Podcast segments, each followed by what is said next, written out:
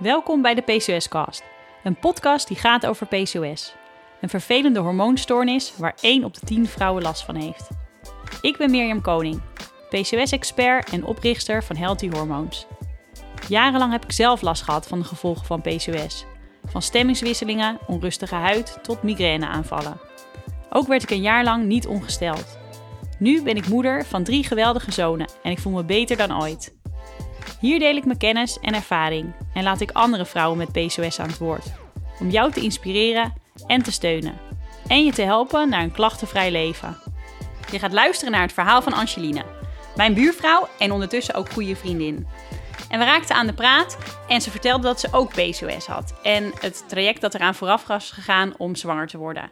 Vandaag vertelt ze openhartig over dit traject en met de kennis van nu wat ze anders zou doen.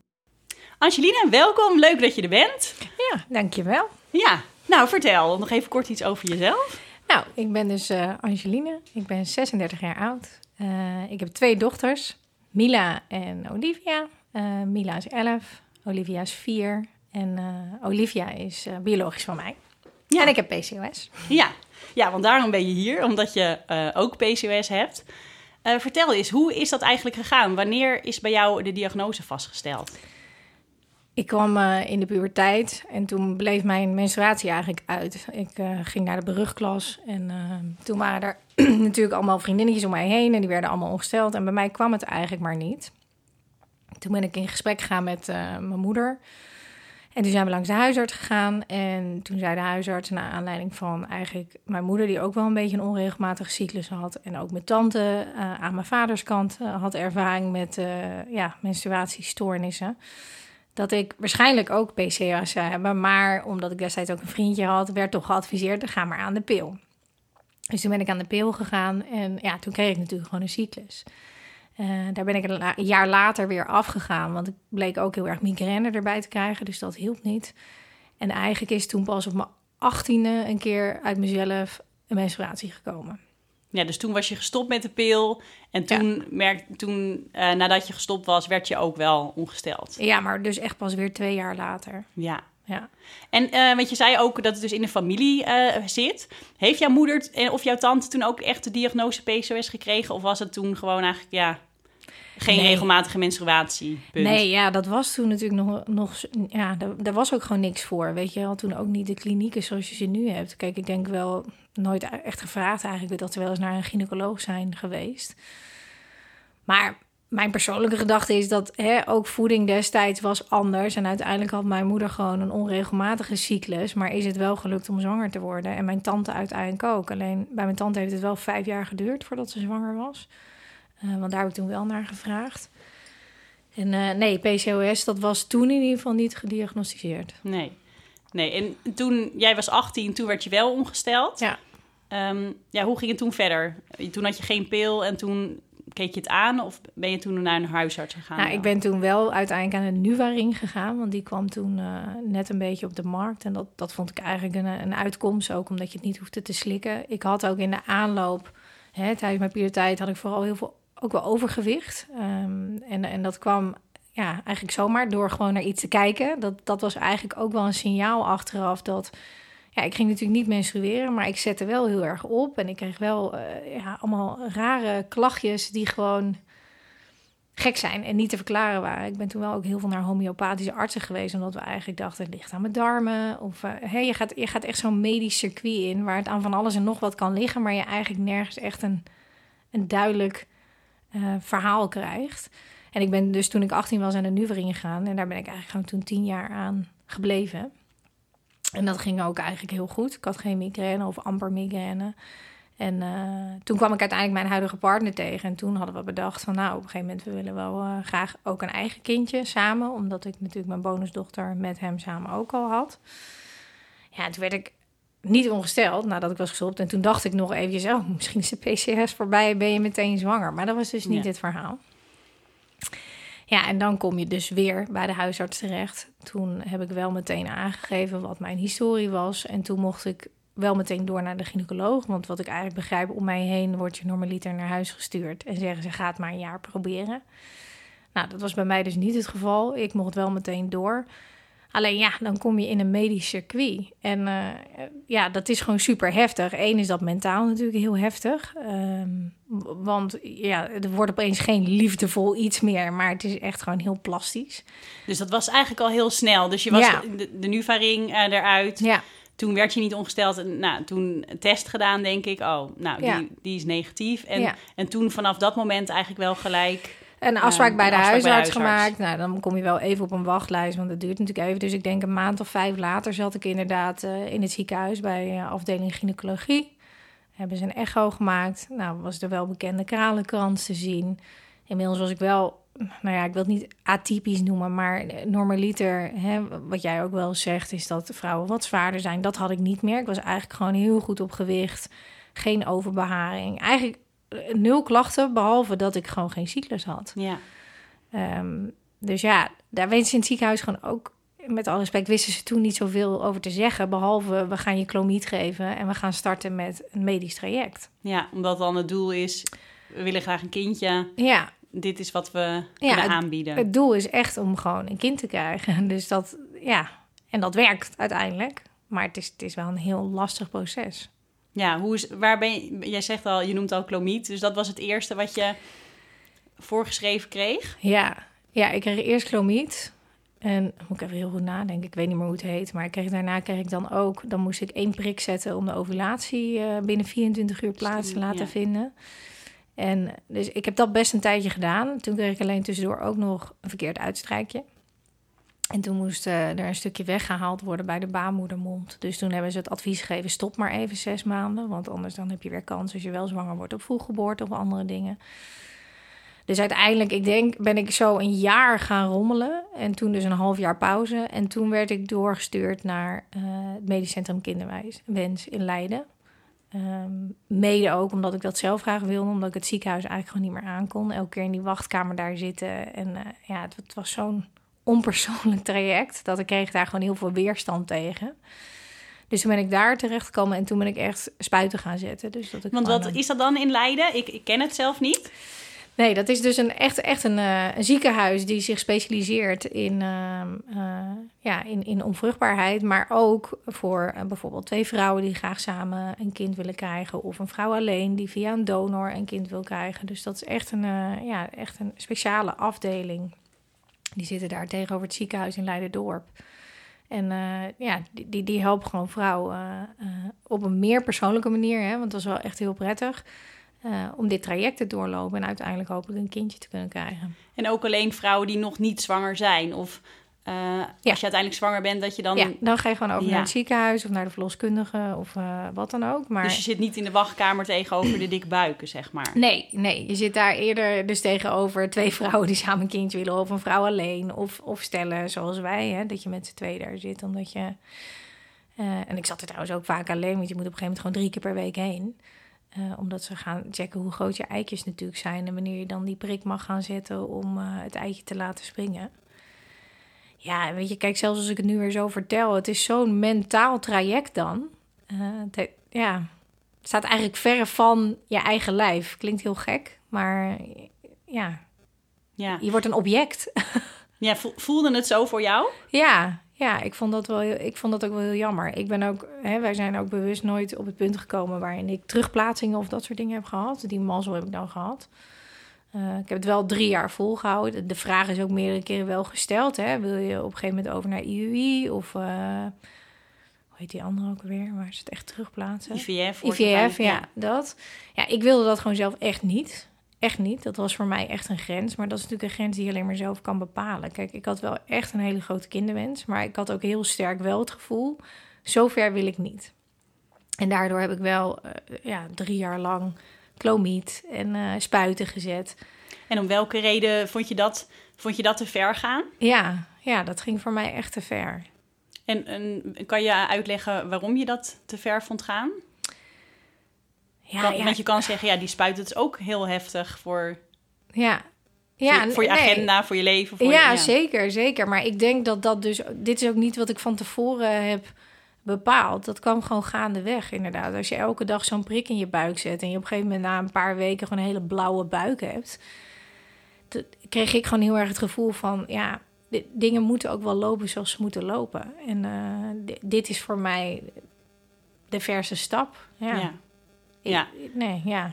Ja, nee, snap ik. En ik denk ook dat dat iets is wat iedereen persoonlijk... Ja, iedereen uiteraard. Ja. Iedereen neemt die keuze persoonlijk. En ik kan me ook goed voorstellen, of dat hoor ik ook veel... dat je schaal ook verschuift. Op het moment, weet je... Je hebt misschien van tevoren heb je bedacht... het gaat eh, romantisch op een natuurlijke manier. Dan krijg je die diagnose en dan... ja. Oké, nou, blijkbaar gaat het zo. En je weet natuurlijk ook niet wat het inhoudt, wat je te wachten staat. Nee, en dat kan nie- niemand kan je daar ook echt op voorbereiden. Want het is echt jouw proces. En alle artsen en alle mensen om je heen, net als ik nu, kan vertellen: ja, voor mij was het zo. Maar ja, dat is voor mij persoonlijk. En iedereen heeft natuurlijk zijn eigen grens of gevoel daarin.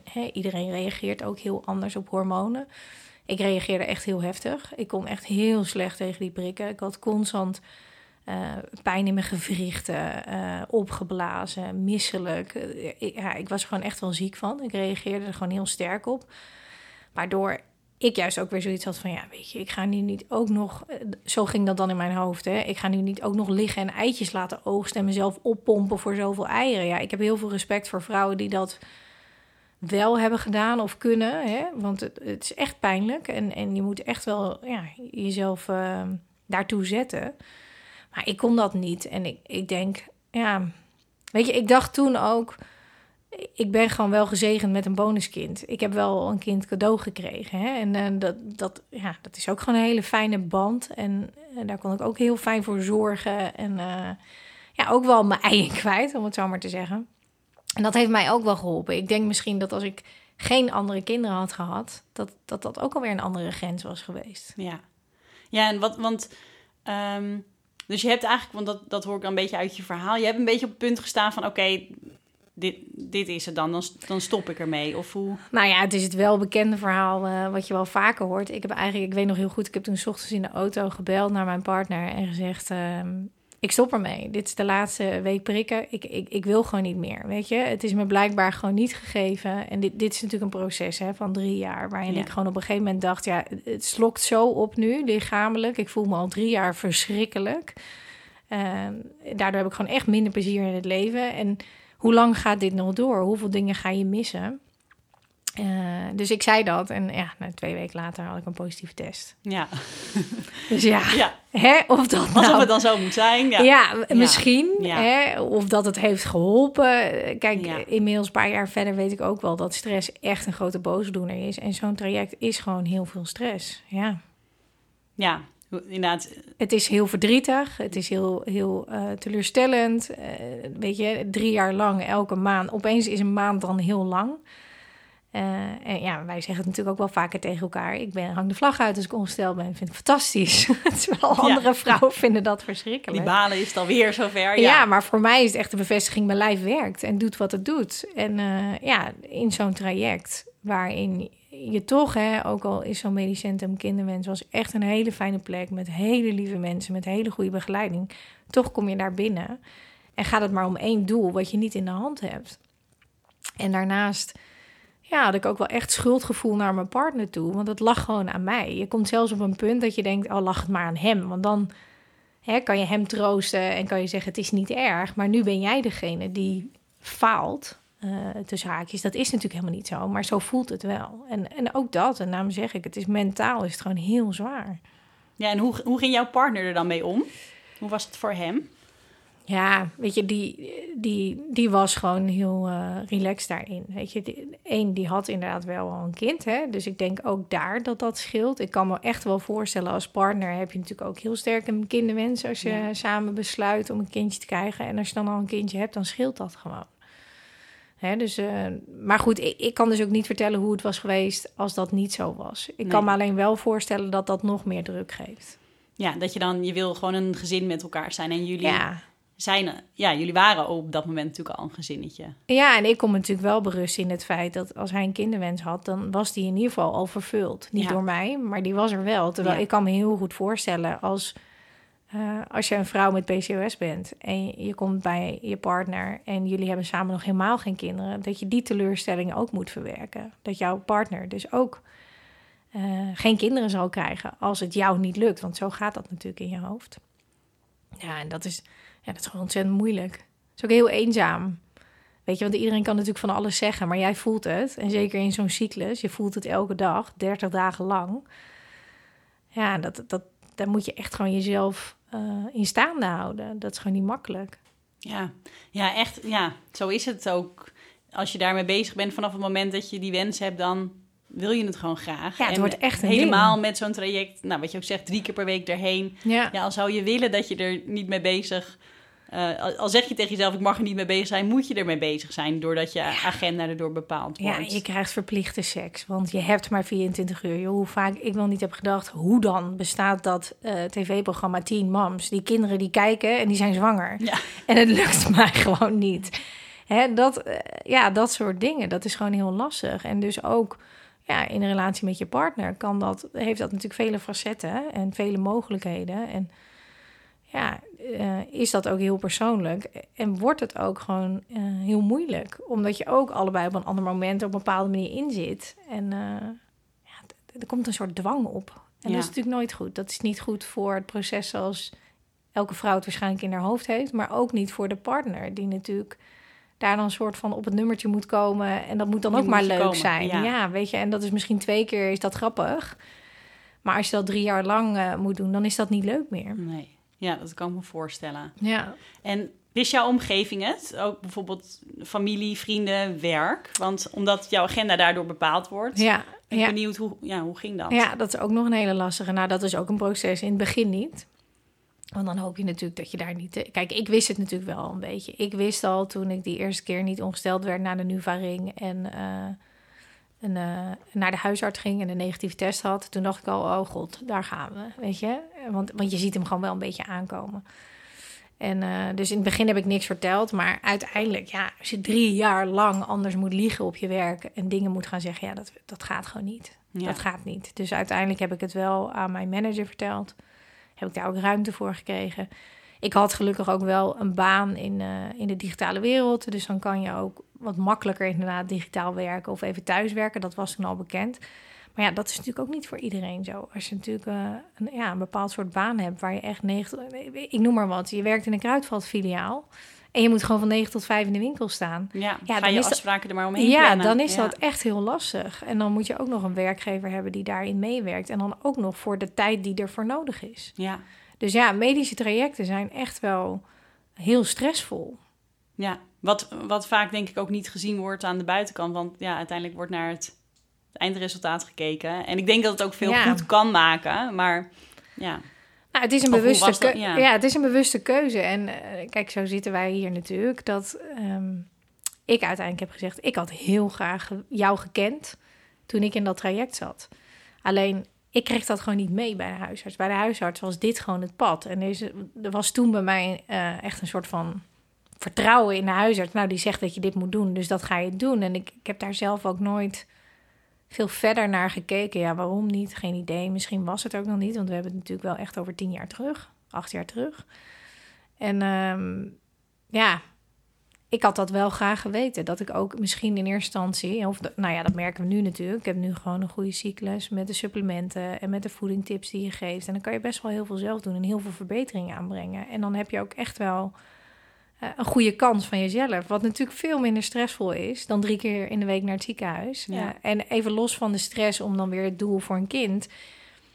Voel je ook gewoon veel gezonder. Want die stiekeme klachten waar ik het over had toen ik tiener was. Ja, die blijven. En die gaan ook weg op het moment dat je dus je voedingpatroon, je supplementen. En Ja, want welke klachten had je dan? Je noemde, toen noemde je van je gewicht. Nou, Ja, daar heb is ik nu- weer gehad na de zwangerschap. Oh, na de zwangerschap. Ja, ja ik heb eh, na de zwangerschap ook weer eh, last gehad van eh gewrichtsklachten, echt pijn.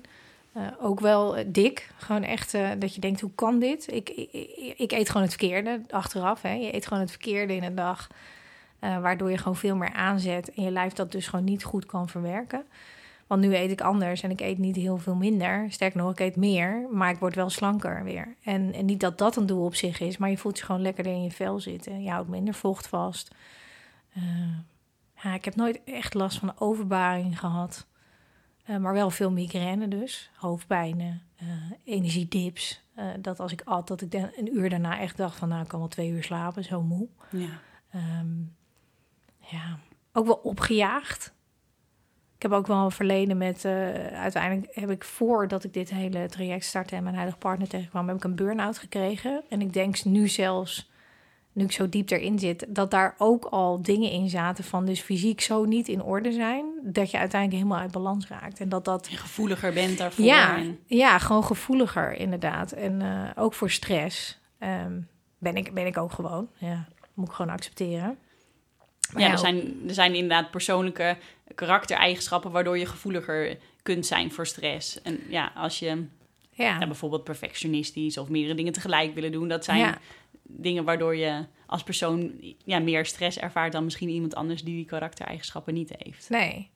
Nee, en ik, ik, ja, dat kan jij veel beter zeggen, maar ik zie toch wel een soort van samenhang van allemaal dat soort karaktereigenschappen ook in samenwerking met wat je dan lichamelijk hebt. En dat, dat zorgt dus eigenlijk gewoon voor een hele slechte cirkel die je moet doorbreken. En dan ga je echt merken, en het duurt ook lang. Hè? Ik bedoel, als ik iets mee wil geven, is heb geduld. Het duurt gewoon heel lang. Nu was, duurde het ook echt weer een tijd voordat ik het weer een beetje op de rit had. Dit is niet van, eh, ik ga drie maanden even mijn best doen en dan heb ik het volledige effect. Zo werkt het gewoon niet. En het is ook echt goed luisteren naar je lijf. Ja, de signalen herkennen. Ja, daarop ingaan. Ja, omdat ik wou nog even, ik wou nog zelf nog even aan toevoegen, omdat je begon eigenlijk met, nou, dat je moeder en je tante ook, Ja. ehm, ook ja, menstruatiestoornissen hebben of hebben gehad. Eh, dus dat het inderdaad ook vaak iets is met PCOS, dat het wel in je, in je DNA zit, zeg maar.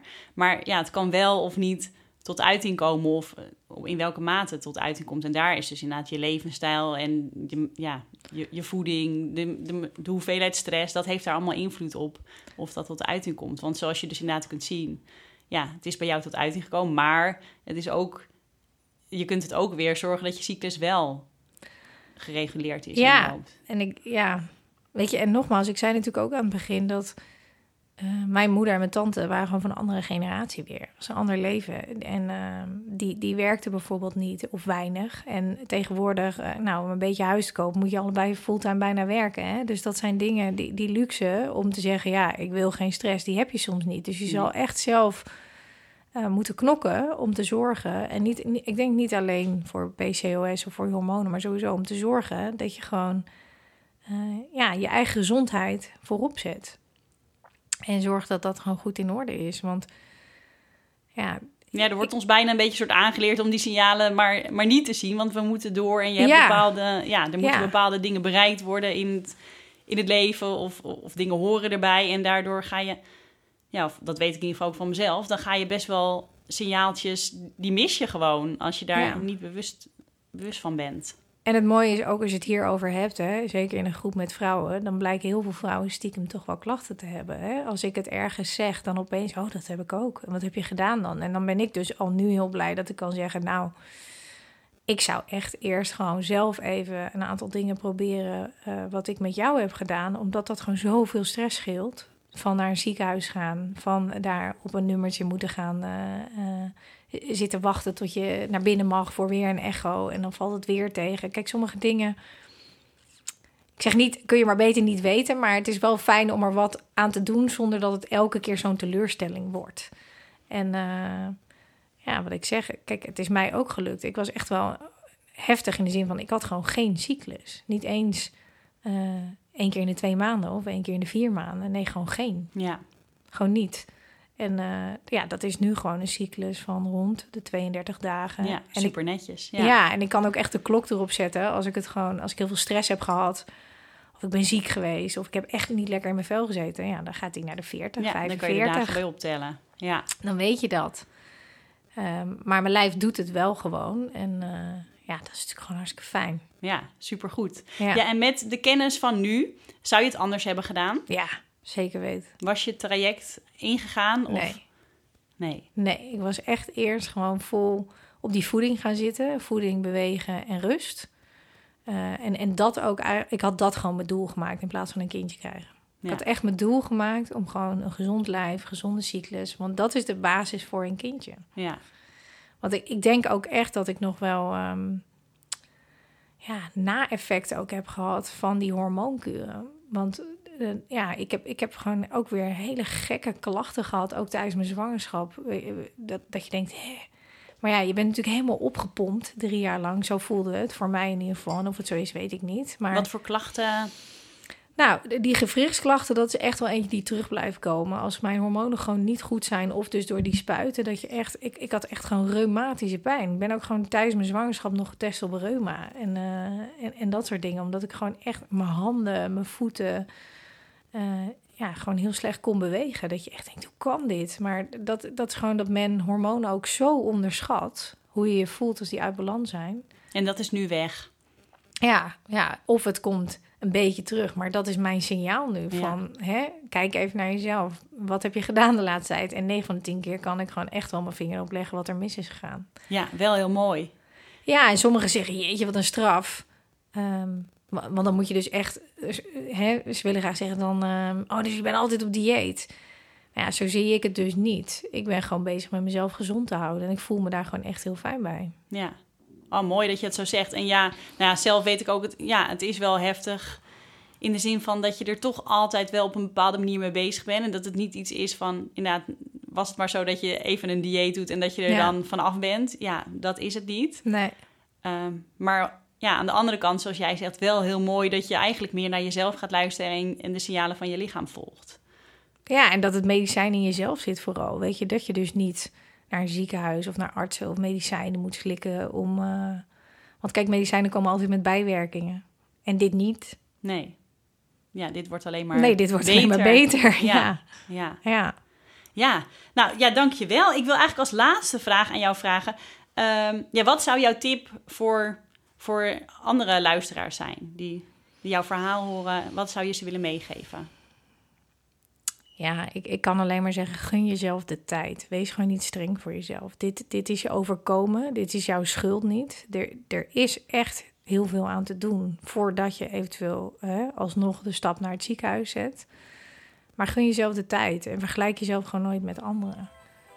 Weet je, want dit is ook mijn verhaal. Dit is niet andermans verhaal. Hè? Dit kan voor uh, iemand die hier naar luistert heel anders voelen. Maar gun jezelf gewoon ook desnoods een coach die je kan begeleiden voor dat mentale proces. Hè? En dan iemand zoals jij die je gewoon echt goed kan begeleiden uh, met dat lichamelijke proces. Hè? Hoe werkt dat? Hoe werkt mijn lichaam? Wat heb ik nodig? En dan, ja, dan geloof ik gewoon niet dat er niet winst wordt behaald. Ja, ja mooi. Dankjewel. Ja, graag gedaan. Abonneer je op mijn podcast, zodat je geen aflevering meer hoeft te missen. En wil je meer over mij weten en meer tips? Volg me dan ook op Instagram via @mirjamkoning.